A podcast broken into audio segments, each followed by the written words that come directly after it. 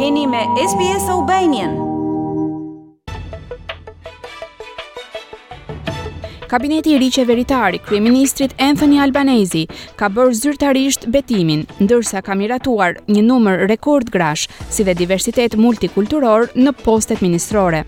Por qeveria e re ka përpara një betejë të vështirë, me sfida buxhetore në lidhje me shifrat e fundit të rritjes ekonomike, si dhe të rritjes së kostos së jetesës. Të ndjekim raportin. Është përbetuar një kabinet i ri historik. Ndërsa anëtarët kanë pozuar për foton e tyre të parë në grup në ambientet jashtë shtëpisë qeveritare. Guvernatori i përgjithshëm betoi kabinetin prej tridhjetë ministrash, me një numër rekord prej trembëdhjetë grash ministre, dhjetë prej tyre pjesë të kabinetit.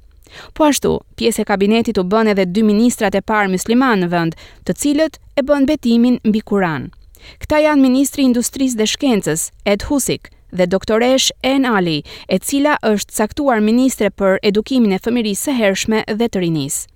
Gjithashtu, në kabinetin e ri është caktuar ministrja e parë aborigjene që do të drejtojë Ministrinë për Çështjet Indigjene, zonja Linda Burney.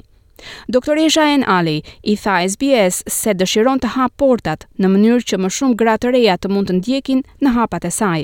It's really in talking with people who say to me you know I want my daughters to be like you or you know my daughters finally see themselves in you that it has really hit home. Duke folur me njerëz që më thonë se vajzat e mia më në fund e shohin veten tek ju, më ka bindur se sa domethënëse, por gjithashtu edhe një përgjegjësi e madhe është që të bëj të pamundurën për të siguruar që një ministre grua si unë të mos jetë e fundit. Ed Husic, i cili është deputeti i parë mysliman i zgjedhur në parlament në vitin dy mijë e dhjetë, tha për SBS se ky është një moment simbolik për të bashkuar vendin. This is a government that reflects the face of Australia. Kjo është një qeveri që pasqyron portretin e Australisë. Tashmë ju e dini që në qeveri do të ketë njerëz që përfaqësojnë komunitetet tuaja dhe mendoj se kjo është e rëndësishme. Ai thotë se dëshiron që diversiteti në parlament të bëhet i zakonshëm. një normë. I think this today it should be seen as the starting standard. Unë mendoj se kjo qeveri duhet parë si një standard fillestar dhe se prej tani ndoshta do të ketë një vëmendje më të madhe në përbërjen e kabineteve dhe ministrive dhe kjo është pozitive. Pavarësisht numrit rekord të grave, ka patur disa kritika se rolet udhëheqëse në parti ende dominohen nga burrat. Vetëm 2 nga 7 poste drejtuese brenda partisë, Dhoma e Përfaqësuesve dhe Senati mbahen nga gra.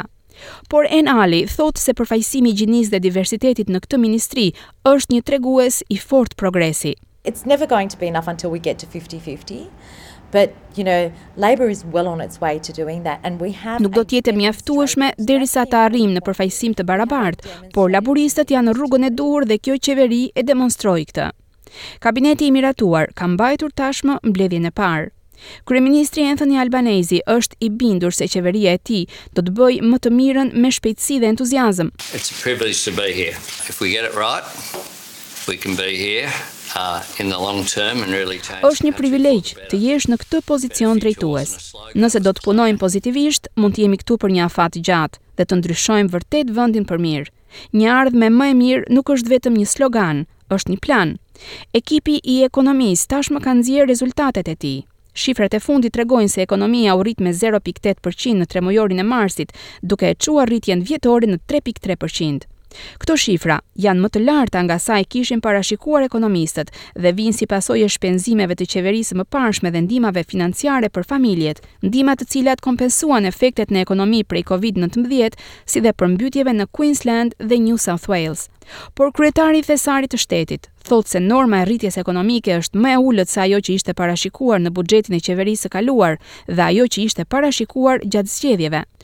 Doktor Jim Chalmers thotë se ndërsa numrat tregojnë një farë përmirësimi në ekonomi, rritja e inflacionit dhe e normave të interesit së bashku me rënien e vlerës së pagave në lidhje me inflacionin, e kanë vështirësuar riparimin e buxhetit. These national accounts are a glimpse of the mess that the former government left behind. You can see Këto shifra kombëtare janë një pasqyrë e rrëmujës ekonomike që ka lënë pas qeveria e mëparshme. Duket se këto shifra, edhe kur numrat në sipërfaqe duken relativisht të fuqishëm, janë shumë më të ulëta nga çfarë parashikonte ish-qeveria në buxhetin e saj para zgjedhjeve. Doktor Chalmers zbuloi gjithashtu se ka nisur auditimi i shpenzimeve të qeverisë.